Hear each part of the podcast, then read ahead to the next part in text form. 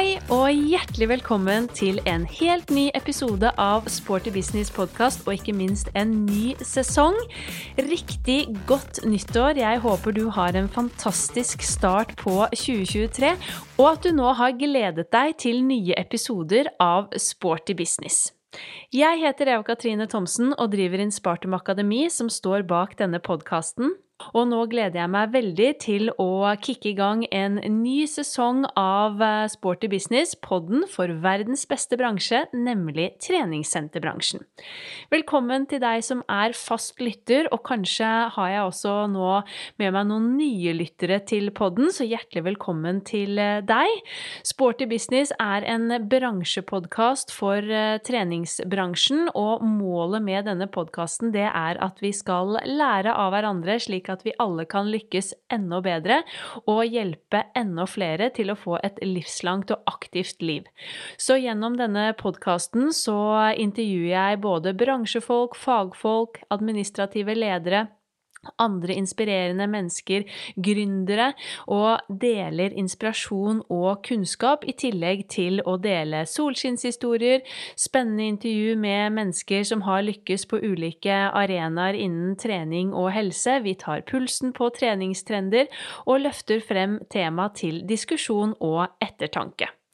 Så det er allerede mange spennende gjester booket inn for denne sesongen av Sporty business, så jeg gleder meg veldig. Og nå skal vi knekke i gang det nye året med treningssenterrapporten for 2022. For Virke aktiv helse de gjør en omfattende kartlegging av bransjen vår hvert eneste år, og nå er rapporten for 2022 klar, og det er den vi skal dypdykke ned i i denne episoden.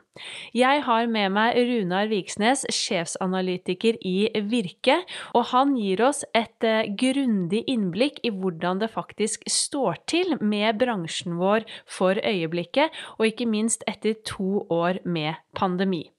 Så her er det bare å spisse ørene og lytte godt etter, for her er det mye spennende og interessant tematikk, og ikke minst også veldig mye lærerikt for alle oss som jobber i bransjen. Riktig god lytt.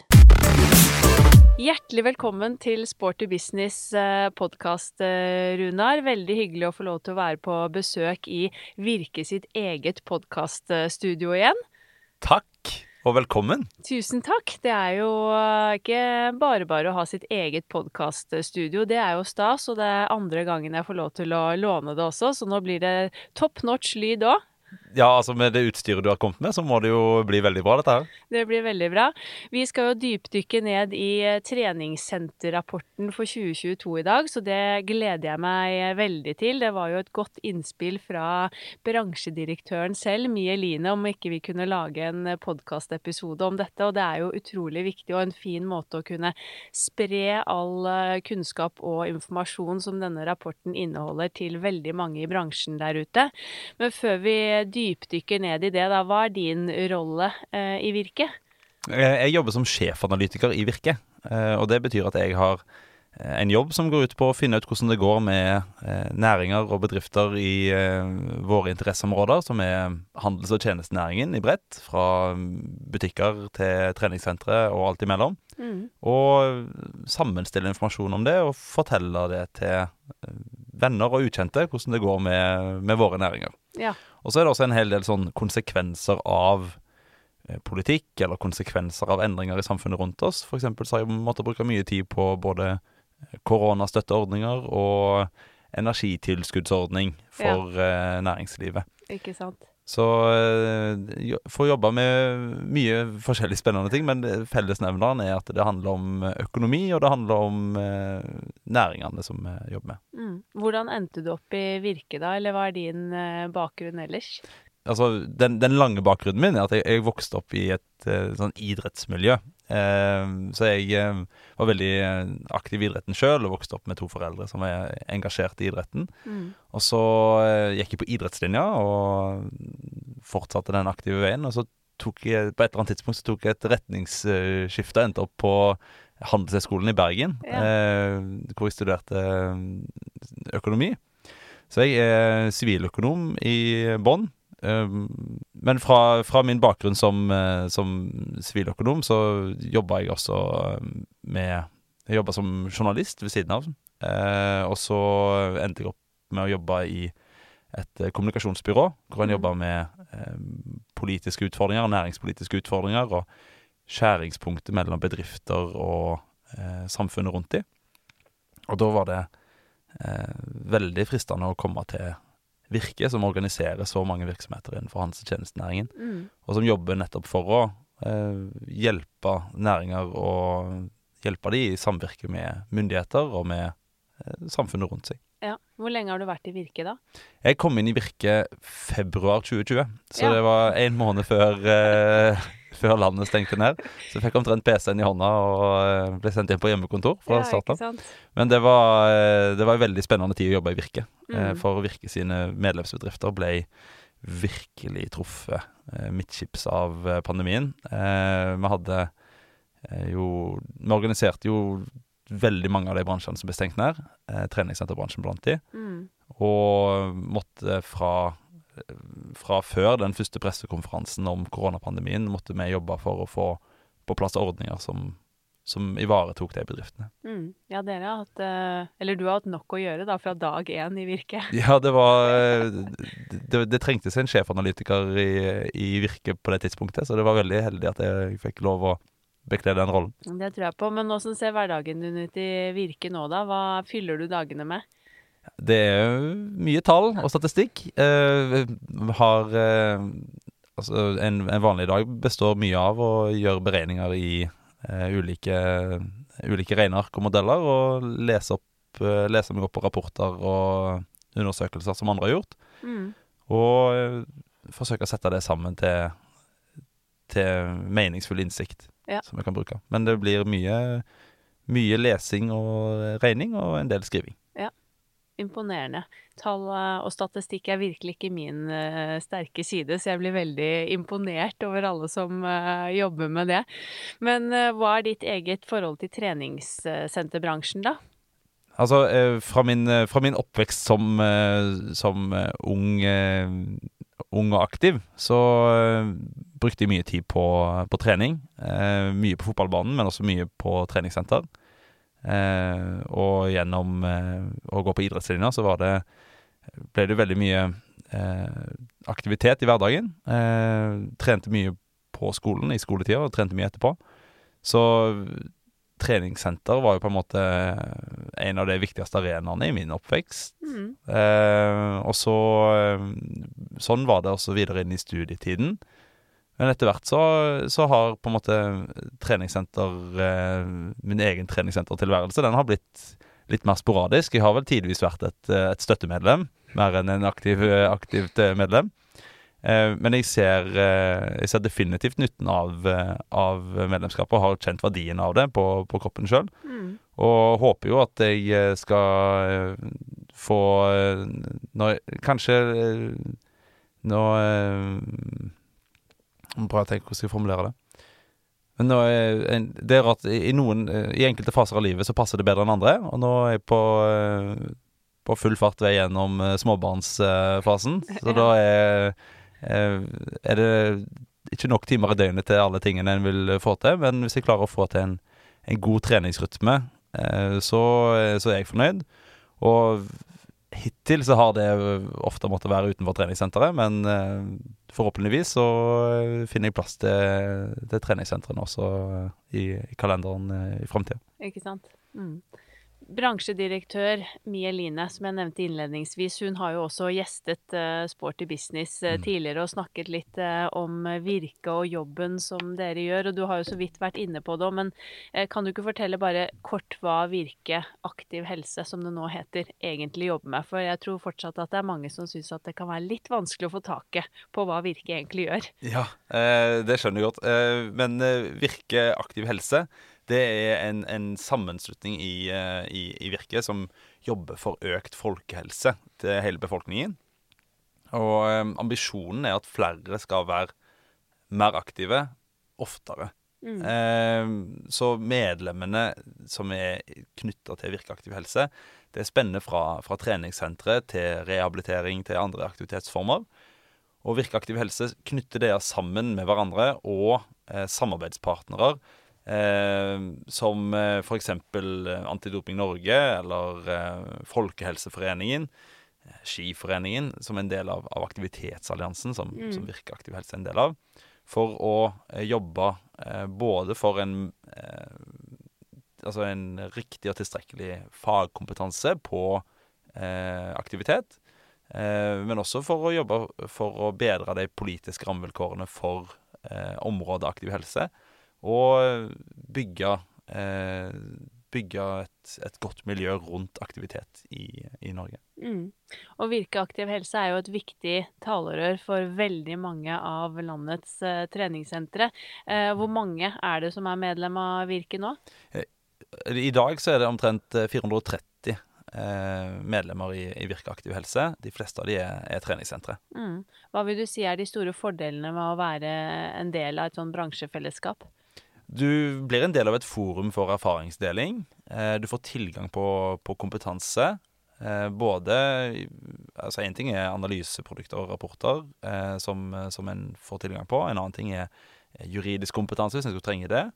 En får et, et, en anledning til å være med og påvirke hva, hva bransjen sjøl jobber for. Eh, og du får være en del av, eh, av det fellesskapet som jobber for en videre utvikling av aktiv helseområde. Og du får også bli oppdatert på alt som, som foregår i, i området. Så du blir på en måte en aktiv deltaker i din egen bransjes utvikling Mm. på en annen måte enn hvis en jobber med kun forretningssida av det. da. Og vi har jo fått eh, også god hjelp av Virke gjennom de årene med pandemi som du nevnte. Altså man fikk jo på plass eh, en rekke ting, og også da denne smitteveilederen. Og eh, dere kjempet jo virkelig for alle oss i treningssenterbransjen, så det setter jo vi enormt stor pris på. Og det har jo da vært to tøffe år med pandemi, og så rett inn i strømkrise. Og når jeg møtte Mie Line sist, så var, sa hun til meg at hun var nesten mer bekymret nå enn under pandemien, på, med tanke på hvordan det, det står til. Så det er jo ikke til å stikke under en stol at det er vanskelige tider, eh, og har vært vanskelige tider for eh, treningsbransjen eh, de siste to årene. Så denne treningssenterrapporten er jo kjempespennende å få innsikt i nå, hvordan egentlig tingenes tilstand er.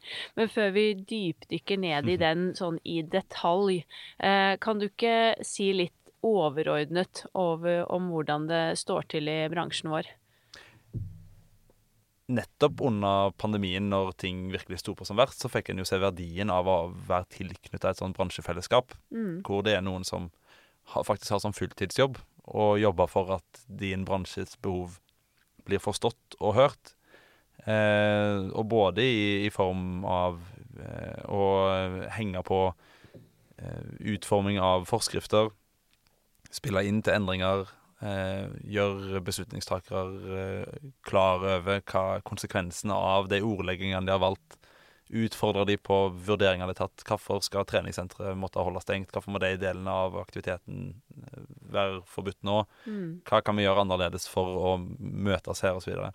så eh, det, det å være tilknyttet bransjefellesskapet bransjefellesskap i sånne situasjoner er åpenbart verdifullt. Mm.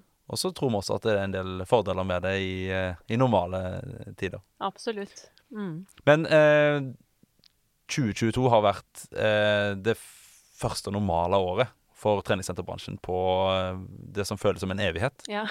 Eh, og det er eh, Sånn det overordna blikket er at bransjen har klart seg overraskende godt Ja. eh, gjennom pandemien. Det er hyggelig å høre.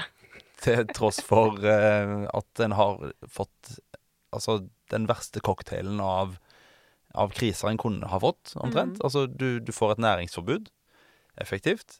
Du får en eh, folkehelseutfordring.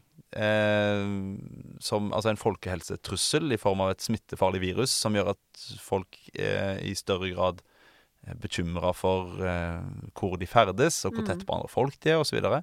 Så det, det er en del, en del virkninger som kom samtidig gjennom pandemien, som bidro til at det var jammen ikke lett å drive treningssenter. Og det syntes veldig godt på, eh, på driften til treningssentrene også.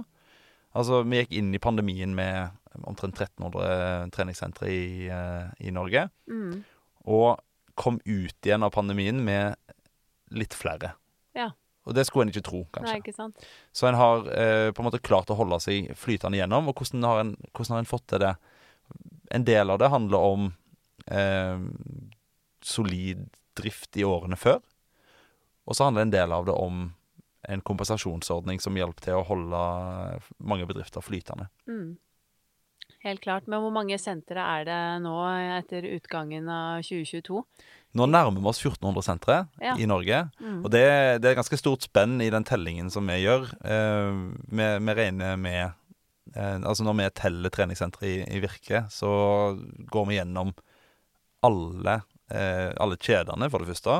Mm. Og så eh, går vi gjennom alle treningstilbud som fins. Ja. Så den oversikten vår over treningssenteret som teller i akkurat nå, så er det, har vi 1380 Ja. eh, som jeg har eh, klart å finne. Det er sikkert noen flere som vi ikke har klart å finne, men det spenner altså fra eh, treningsrommet i eh, idrettshallen i Kautokeino eh, til eh, EVOs nyeste senter i Sandnes. Ja. Eh, så det er liksom Det er hele bredden. ja. Skjønner. Og kriteriet for å komme inn på den lista er at det er et sted hvor en får trene mot et vederlag. Altså at du betaler for å kunne trene der. Ja, skjønner. Og treningssenterrapporten den eh, kartlegger jo hele bransjen vår. Hvorfor vil du si at eh, det er så viktig med en sånn rapport for eh, bransjen vår? Ja, Nå spør du en analytiker om hvorfor det er så viktig med Ja. analyser, og da får du et godt svar. Eh, det er det er viktig for å, for å vite hvordan det går, egentlig. Eh, de, de fleste har veldig god kontroll på hvordan det går med sin egen drift. Mm. og sin egen, eh, sitt eget senter, og, og kanskje også sine nærmeste konkurrenter. Men det å få en nøytral rapport som sier her er eh, tingene sånn som de er, her er oversiktsbildet over bransjen, Mm. det hjelper deg å navigere. Det hjelper deg å se eh, hvordan du utvikler deg relativt til andre, og det hjelper deg til å, til å få en følelse av hvordan det går med bransjen. Mm. Eh, er, det, er det utfordringene jeg møter, er det bare jeg som står i dem? Eller er det noe som gjelder oss alle? Eh, eller går det eksepsjonelt godt Ja. fordi jeg gjør noe rett, eller går det eksepsjonelt godt fordi treningssenterbransjen i sin helhet er en sånn kraftig medvind? Mm. Uh, så det gir en slags uh, et oversiktsbilde da, for alle i bransjen, og alle Mm. som bryr seg om bransjen, hvordan det står til med, med treningssentrene. Mm, ikke sant. Du nevnte jo at det faktisk eh, kom flere treningssentre til gjennom pandemien. Kanskje litt eh, overraskende, men hvordan har eh, veksten generelt i bransjen vært gjennom 2022, da også med tanke på frittstående sentre kontra de som er i kjeder? Det vi har sett, hvis vi tar på oss litt lengre briller, da, det er jo analytikere ofte glad i, Ja.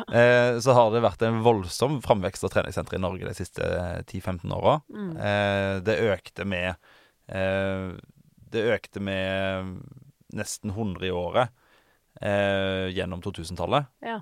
Eh, og så avtok det. Sånn fra omtrent 2013-2014 så begynte tempoet å avta. Eh, da økte det med en sånn 20-30-40 sentre i året, og så har økningen siden 2019 vært eh, på bare 50 sentre Ja. siden 2019. Mm. Eh, så, så det har på en måte flata ut. Eh, og 2020 var det første året med nedgang i eh, senteret relativt året før. Det var kanskje ikke så overraskende med, med pandemien. Men eh, det har, Så det har flata ut mer. Og vi ser også en, en stadig større eh, kjedifisering Mm. av treningssenterbransjen. Altså i, eh, i 2017 for eksempel så var 52% av sentrene eh, kjedetilknytta. Mm. Og den andelen økte til 58% i 2022. Ja. Så, så stadig flere av sentrene blir eh, kjedetilknytta. Det er både nye sentre som åpnes, altså som ikke fantes fra før, Mm. og så er det eh, at frittstående sentre blir rulla inn i, i kjeder. Ja. Men av de sentrene som kom til i eh, 2022, som vi har eh, klart å telle, telle med, så, så fant vi at det var eh, At tre av fire av de sentrene var i kjeder. Mm. Ikke sant. Så, den, eh, så, så av de nyåpna sentrene så var enda flere eh, kjedetilknytta enn det som er totalen. Ja. Ja, det har jo skjedd flere spennende kjedesammenslutninger gjennom eh, 2022. Det blir jo veldig spennende å følge utviklingen og se hvordan eh, det blir videre. Men kanskje noe av det folk lurer aller mest på, er jo hvordan står det til med økonomien i bransjen vår? Hvordan eh, har det gått med den gjennom 2022, og etter også to vanskelige år? Ja, nå er, nå er regnskapstallene for 2022 det blir ikke klar før eh, litt senere i år. Eh, så vi, vi har ikke alle tallene klare for, for hele bransjen for 2022. Nei. Men det vi ser, er at eh, 2021 var et ikke veldig mye bedre år enn 2020, som var et forferdelig tungt år. Ja. Eh, så en, eh, det som var en, en, en næring i vekst helt fram til 2019, eh, hvor en eh, bransje som helhet omsatte for eh, 5,8 milliarder kroner i 2019. Mm. Eh, og det hadde økt med, med 4% i året over mange, mange år. Og så stupte det med 15 eh, til 2020. Det forsvant det over halvannen milliard i omsetning. Mm. Og så ble det værende på det nivået også inn i 2021. Og så eh, ser vi i 2022 at pilene peker oppover. Omsetningen bedres. Eh, vekst i medlemmer hos mange.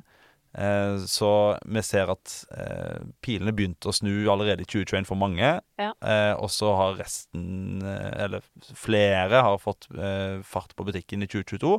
Som jo var det første året med anledning for normaldrift.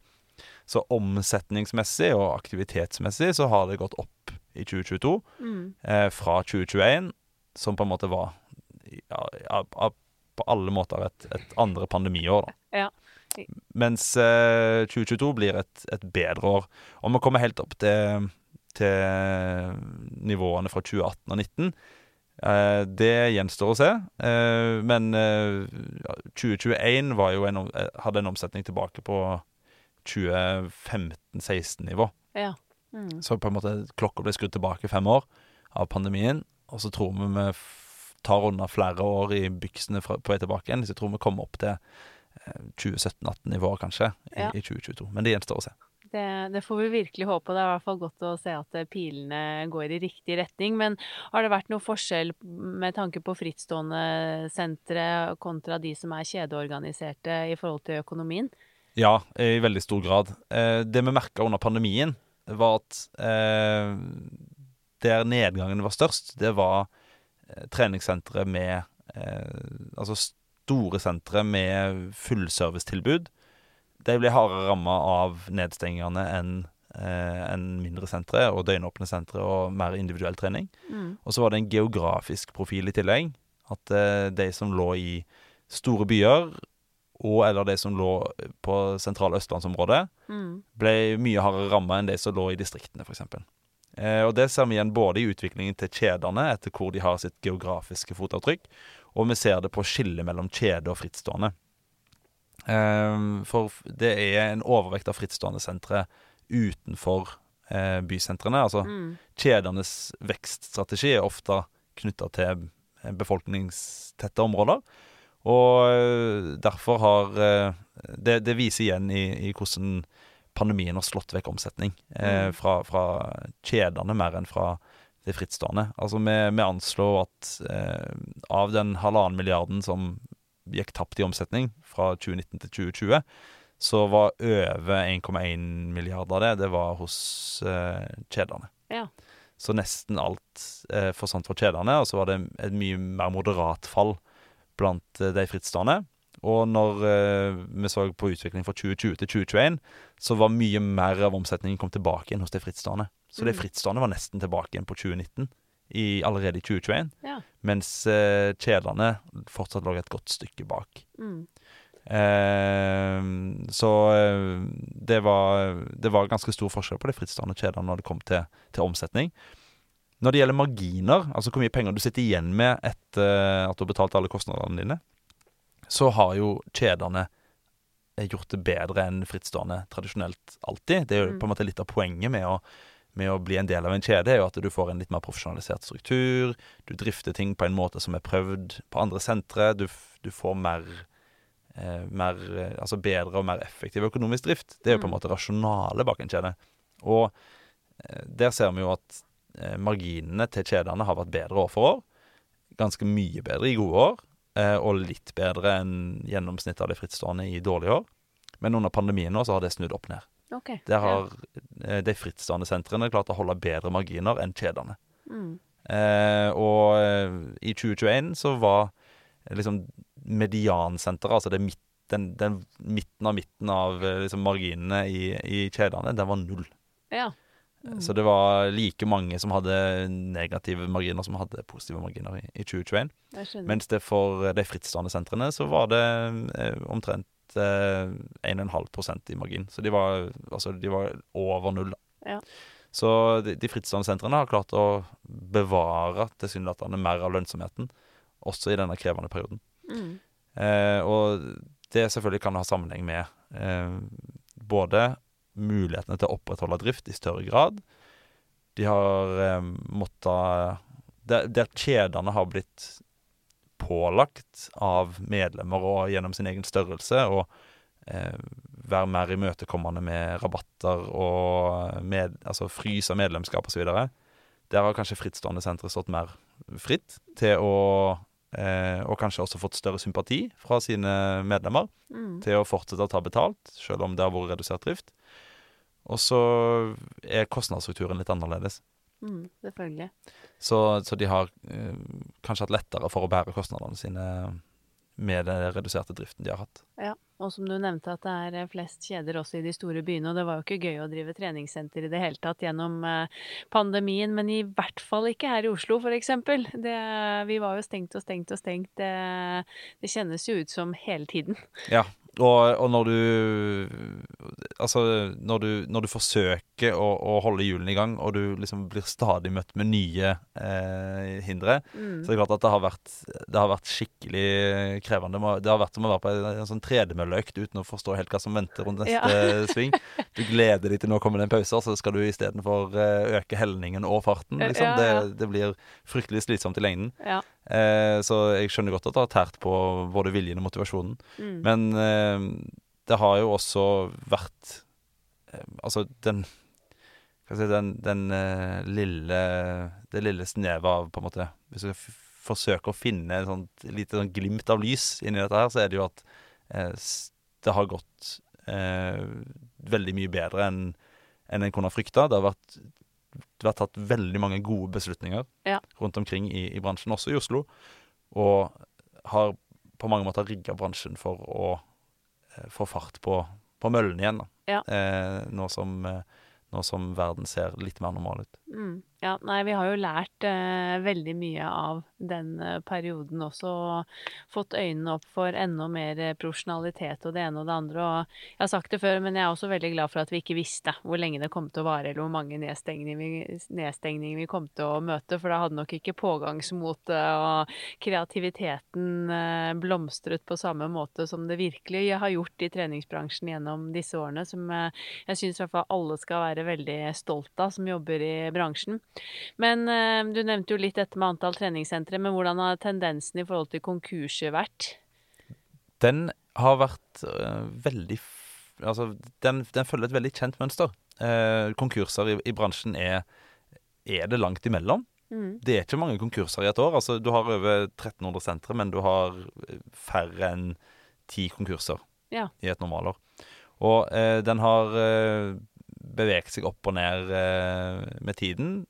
Når det, gjelder, når det gjelder konkurser over tid, så var, hadde vi en topp i 2011 på 13 konkurser i, i ett år. Det var liksom det meste som hadde sett. Og så falt det liksom ned til sånn eh, seks konkurser et par år senere. Og så har det gått opp igjen eh, i sånn 2015 og 2016. var det elleve konkurser, og så har det gått ned igjen til seks. Og så gikk det opp under pandemien. Mm. Eh, men det kom aldri høyere enn 13 konkurser på et år Nei. der heller. Eh, og eh, i fjor, altså i 2022, så klarte vi ikke å slå den toppen da heller. Eh, selv om vi fikk eh, strømkrise, eh, som har virkelig tæra på, på lønnsomheten til, til de som driver senteret, så har, eh, så har en unngått konkurser. Mm. Men konkurser er jo bare ett, eksempel på hvordan et senter kan slutte å eksistere. Det er jo veldig mange flere sentre som legges ned enn de som går konkurs. Ja. Eh, du kan jo avvikle på andre måter uten at du må til skifteretten og, og få alle dine feil bretta ut. Så eh, heldigvis. Men, eh, men også i avviklinger så, så er jo nettoutvikling Altså det legges til flere sentre enn det som trekkes fra Ja. eh, år for år. Så, så i, i sum så er, så er utviklingen den at, at det er stort sett solide og, og sunne virksomheter Ja. i treningssenterbransjen. Mm. Men du nevner jo da, som du sier, det er ikke bare konkurser som gjør at man må stenge dørene, eller man kan forsvinne eller legge ned på andre måter. Men har dere også oversikt over det? Hvor mange som eventuelt har avviklet eller stengt, måttet stenge dørene, enten grunnet pandemi eller strømkrise? Ja, altså i, i, løpet av, i løpet av pandemiårene så ble det avvikla et sted mellom 100 og 150 sentre. Ja. Mm. Eh, men så ble det lagt til eh, nesten eh, Altså minst like mange da, hvert år. Mm. Unntaket var 2020. Eh, og nettoeffekten til nå er, er positiv. Altså vi, vi har jo eh, 50 flere sentre i år enn det vi hadde før pandemien. Mm, ikke sant. Men hvordan ser det ut sånn overordnet med tanke på markedsandelene? Vi har jo vært inne på det at det nå er eh, stadig flere som tilknyttes eh, en kjede. Eh, men hvordan ser det ut?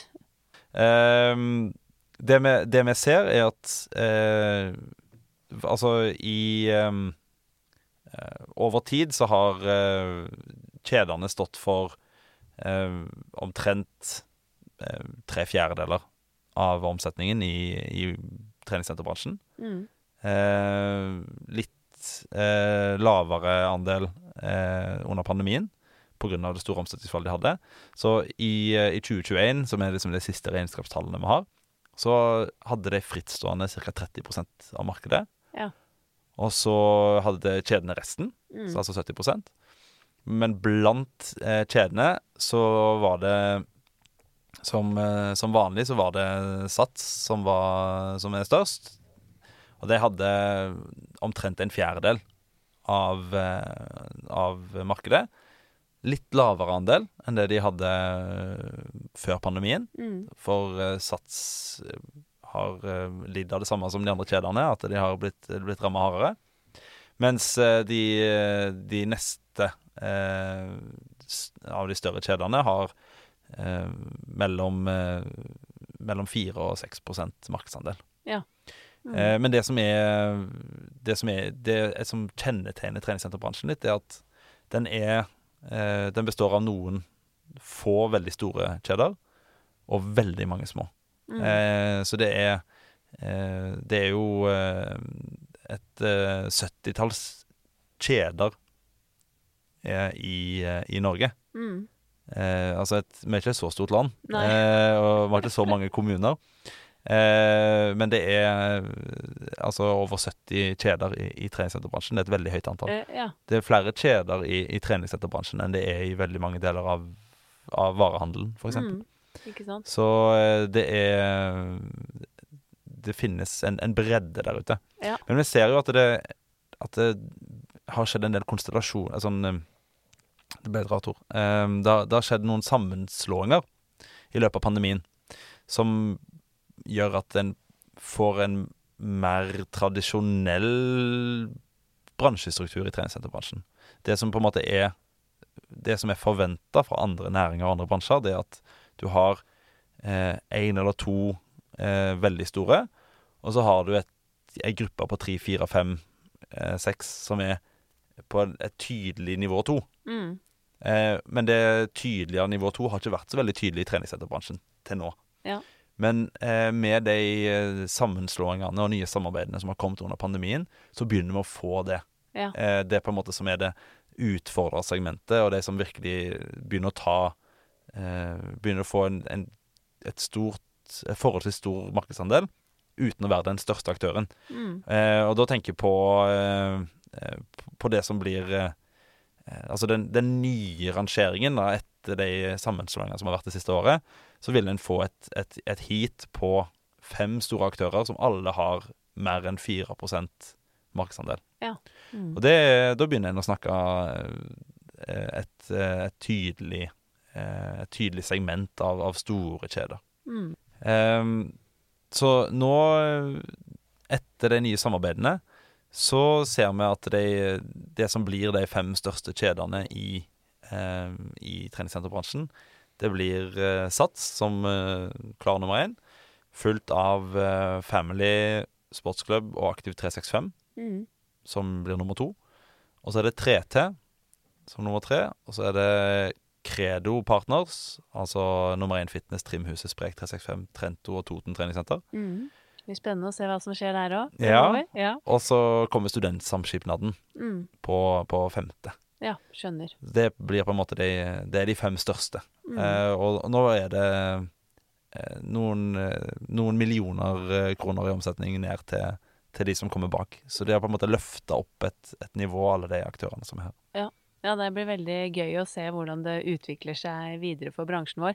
Vi har jo snakket om økonomi, men hvordan har selve lønnsomheten vært i bransjen da, tross pandemiår, og hvordan har det gått? Ja, det har vært, eh, det har vært veldig krevende å drive lønnsomt under pandemien. Lønnsomheten stupte eh, ned til, til nivåer som en, som en ikke har sett på fem-seks år eh, for bransjen som helhet og for kjedene. Eh, men det, det ble jo holdt over null i, i pandemiårene av eh, kompensasjonsordningen Ja. som, som kom på plass, og som eh, jo ga inntekter uten tilhørende kostnader, på en måte. Altså det, det, det var jo ment som en erstatning for konsekvensen av pandemien. Mm. Hvor Og- gode var de støtteordningene? Jeg driver jo ikke selv et treningssenter, og så har jeg hørt så mye forskjellig fra andre aktører i bransjen hvor noen har vært kjempefornøyd, og andre mener at det, det har ikke hjulpet noen ting. Nei, altså det, Der har jo ingen Altså, ordningene var på ingen måte perfekte. Eh, De ble satt eh, i eh, De ble satt opp for å være mulig å håndheve for myndighetene, og de skulle forsøke å favne veldig mange flere bransjer enn treningssenterbransjen. Ja. Så mange har nok eh, opplevd frustrasjonene rundt eh, innrammingene og beregningene osv. Eh, men det, det vi ser av, av resultater av det, er jo at bare den rene kompensasjonsordningen utbetalte 386 millioner kroner til treningssenterbransjen Mm. i, eh, i 2020. Um, og det er jo tilsvarer uh, hele driftsresultatet, altså det de sitter igjen med etter kostnader, Ja. uh, i uh, 2017 og 2018 til sammen. Så, eh, så de har på en måte fått eh, en overføring som tilsvarer to normale eller gode år. ja. Eh, er, er totaleffekten for bransjen. Og så har jeg selvfølgelig dette slått veldig forskjellig ut for uh, forskjellige aktører.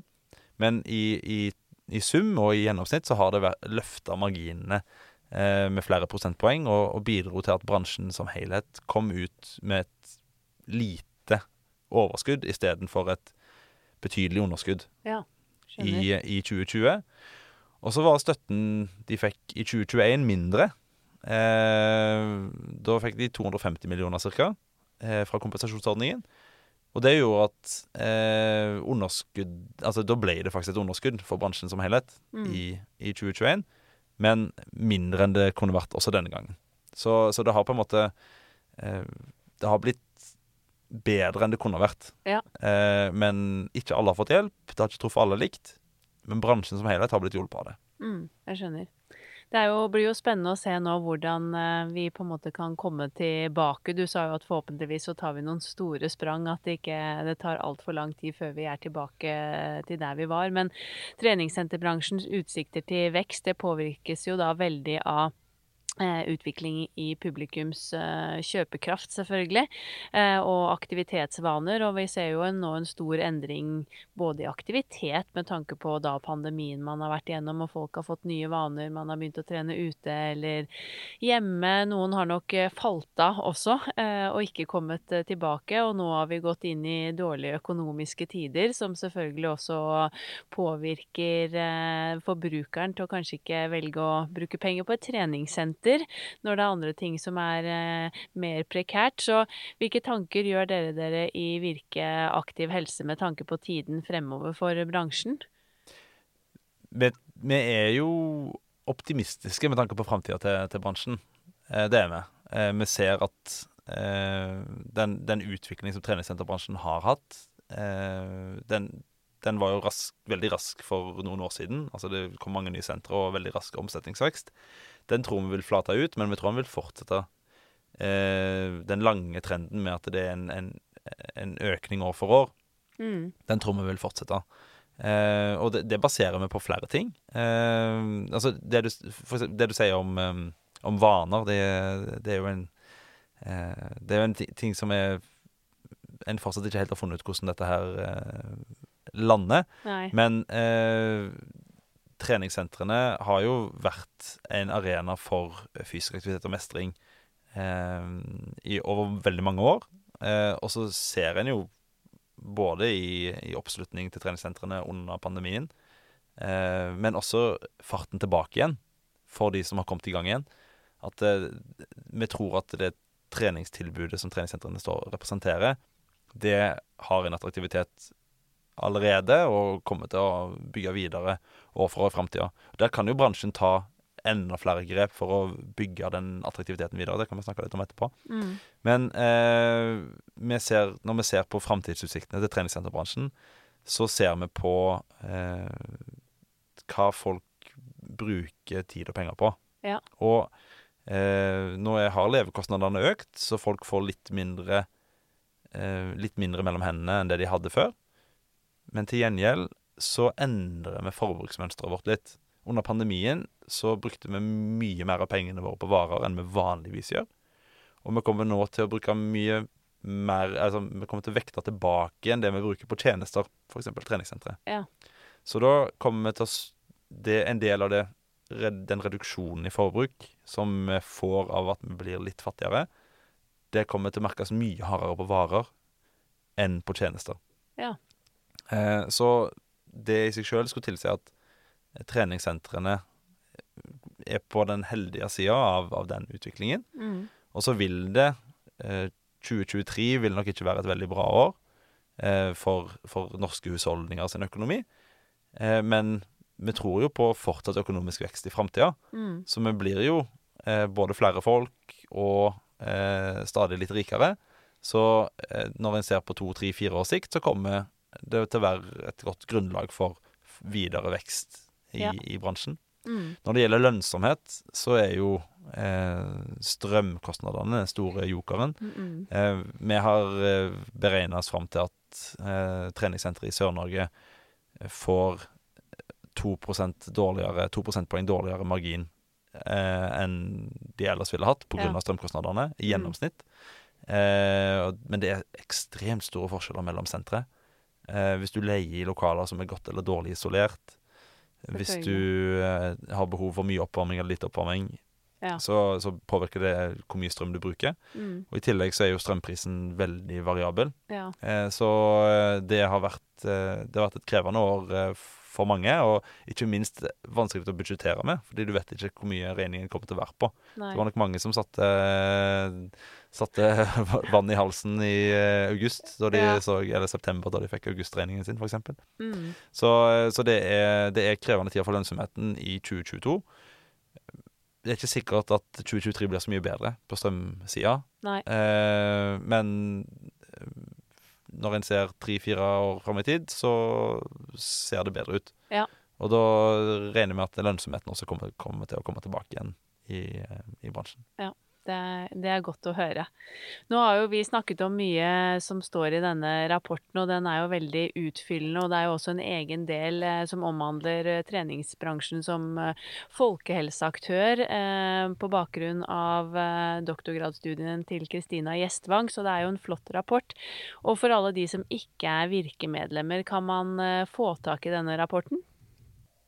Ja. Eh, nei, eh, hvis du vil lese denne rapporten, som har eh, det vi har snakka om og mye mer av eh, informasjon om bransjen og bransjens utvikling, så finner du den på Virkes nettsider. Eh, og den er gratis for alle som er medlemmer i Virke. Og så koster det litt penger for de som ikke er medlemmer.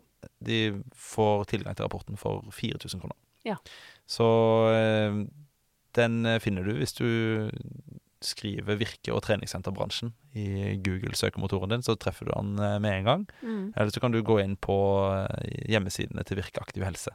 Ja. Og så finner du en lenke der. Strålende, for det er eh, mye interessant eh, lesing. Jeg trålet meg jo gjennom denne rapporten eh, i går før vi satte oss ned for å podde, og det er jo veldig interessant å få den innsikten om bransjen vår som vi er så glad i og engasjert i. Og vi har jo så vidt vært inne på det, dette med bransjen som folkehelseaktør, og du nevnte det også, det at vi kan jo kanskje gjøre andre ting eller nye ting, eller legge til rette for at bransjen vår skal bli mer attraktive og få folk inn på sentrene. Og vi ønsker jo å være en folkehelseaktør som kan møte alle, men eh, hvordan tenker du at vi mestrer den jobben i dag? Hva kan vi eventuelt også gjøre bedre? Det er jo ingen tvil om at treningssenterbransjens eksistensgrunnlag er jo aktivitet. Mm. Eh, og det er et gode for folkehelsa. Og så har det blitt gjort en fantastisk jobb med seriøsitet og eh, få eh, altså både antidopingarbeid og eh, andre helseaspekter inn i, i driften av treningssentrene. Så det blir stadig flere sentre som oppleves som eh, trygge og gode arenaer for eh, mennesker fra et bredt spekter av samfunnet til, til å bruke. Mm. Eh, så, så at det gjøres mye bra i bransjen fra før, det er det jo egentlig, egentlig ingen tvil om. Men det finnes noen store segmenter som bruker treningssentre, eller som, er, som bruker treningssentre for lite, eller ikke i det hele tatt, Mm. som definitivt hadde hatt godt av eh, et lavterskelaktivitetstilbud. Ja. Og som ikke finner den rutinen i hverdagen sin fra før, som ville hatt godt av å ha et, eh, en struktur rundt aktivitet. Mm. Eh, og der ser vi jo av, av studier og av eh, forskningsarbeid som, som blir gjort, så ser vi at treningssentrene har et, en, et Den blir oppfatta veldig ulikt blant de som bruker treningssenteret. som i gjennomsnitt mener at både servicen og eh, kvaliteten er god, Mm. og at det samsvarer godt med en aktiv livsstil. Og blant de som aldri har brukt treningssenteret, som har et ganske annet syn, og som anser det som ikke like trygt og ikke like bra servicetilbud og ikke like bra eh, arena for, for lavterskelaktivitet. Ja. Eh, så en, en, en stor del av utfordringen til treningssenterbransjen er jo å få folk inn døra, som ikke har vært der før. Eh, og der er det noen ganske interessante konsepter som har eh, lykkes godt. Altså en av, en av kjedene som har vært vekstvinner, eh, og blant de raskest voksende kjedene de siste åra, eh, er Feelgood-kjeden, som Ja. jo eh, satser utelukkende på, på grupper som tradisjonelt har vært lite aktive. Mm. Eh, som har De har en gjennomsnittsalder på, på treningssentermedlemmene sine som er vel 20 år høyere enn en snittet i bransjen. Er ikke sant. Eh, og eh, har, men legger også opp til at, at stemningen på sentrene er jo, er jo en, en ganske annen eh, enn en det er på et, et senter som legger opp til eh, høyere puls og mer individuell trening for eh, eh, Ja. unge mennesker som har en, en et, som kommer inn på treningssenteret med en plan om hva de skal gjøre, Ja, ja. eh, kontra de som eh, kanskje har, har nok med å bare få beveget seg. Mm.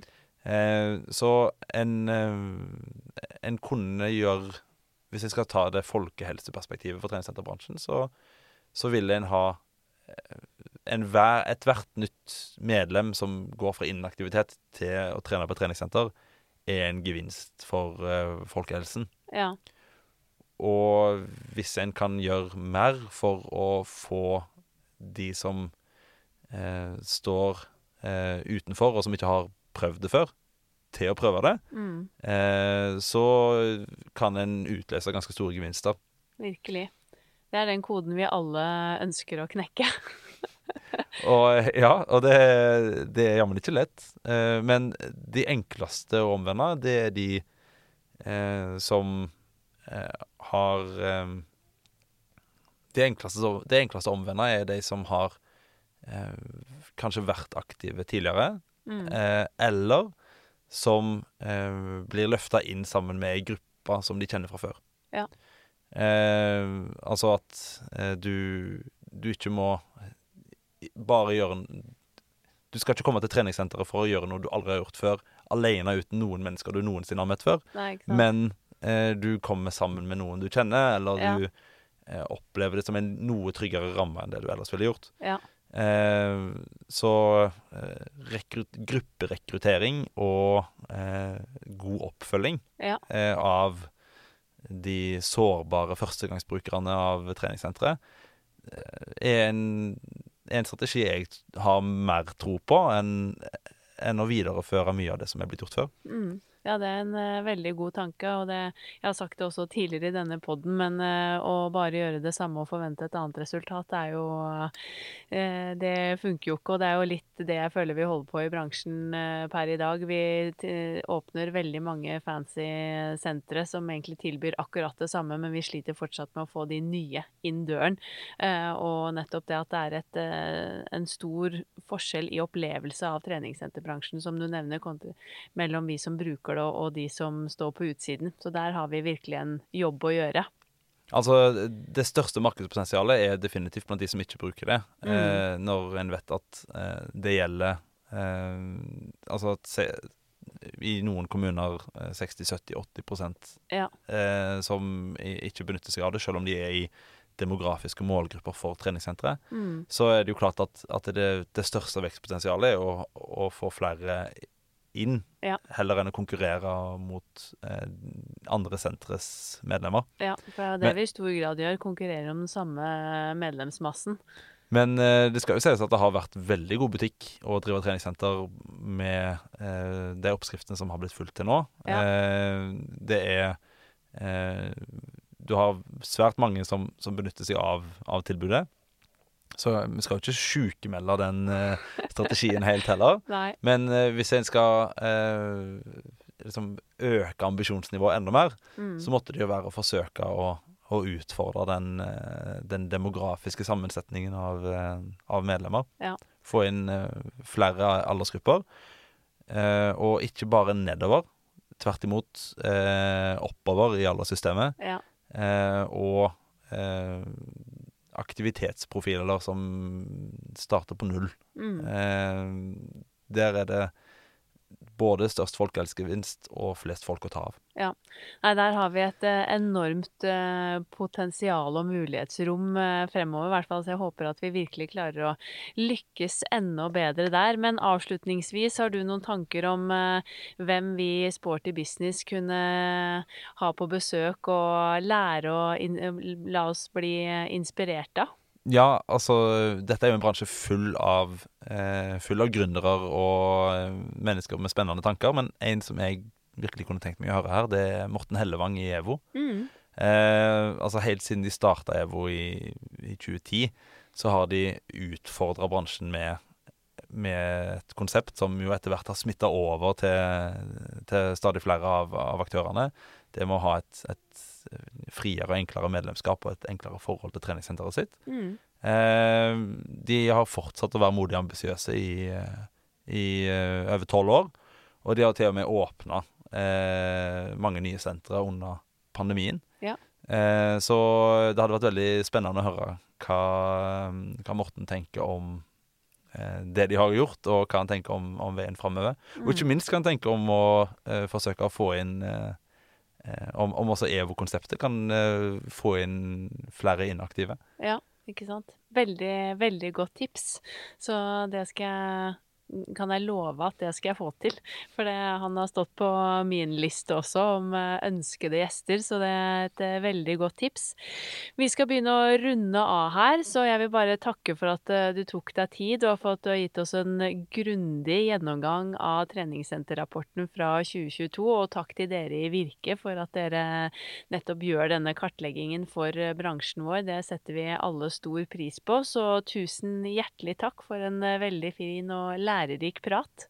Bare hyggelig, og tusen takk for meg. Tusen takk for at du nok en gang lyttet til Sporty Business podkast. Det setter jeg enormt stor pris på. Følg oss gjerne i sosiale medier på Instagram at Sporty Business podcast, og bli gjerne med i gruppen vår på Facebook med samme navn, Sporty Business. Nå er det to uker til neste pod slippes. Det er den eh, faste, jevne intervallen mellom disse episodene av podden, så annenhver tirsdag så får du servert en ny episode. Jeg blir veldig glad om du vil abonnere på podden, og gi oss gjerne også tilbakemeldinger eller kom med innspill. Og nå er det virkelig bare å glede seg til neste episode, for eh, da er det nemlig Anja Hammerseng Edin som er gjest, og den episoden den spilte jeg inn med Anja for en liten stund siden, og den har jeg virkelig gledet meg til å dele. Anja er en så fantastisk inspirerende person som vi alle har veldig mye å lære av. Så det er bare å glede seg. To uker frem i tid så kommer eh, den podkasten med Anja, så det er det bare å se frem til.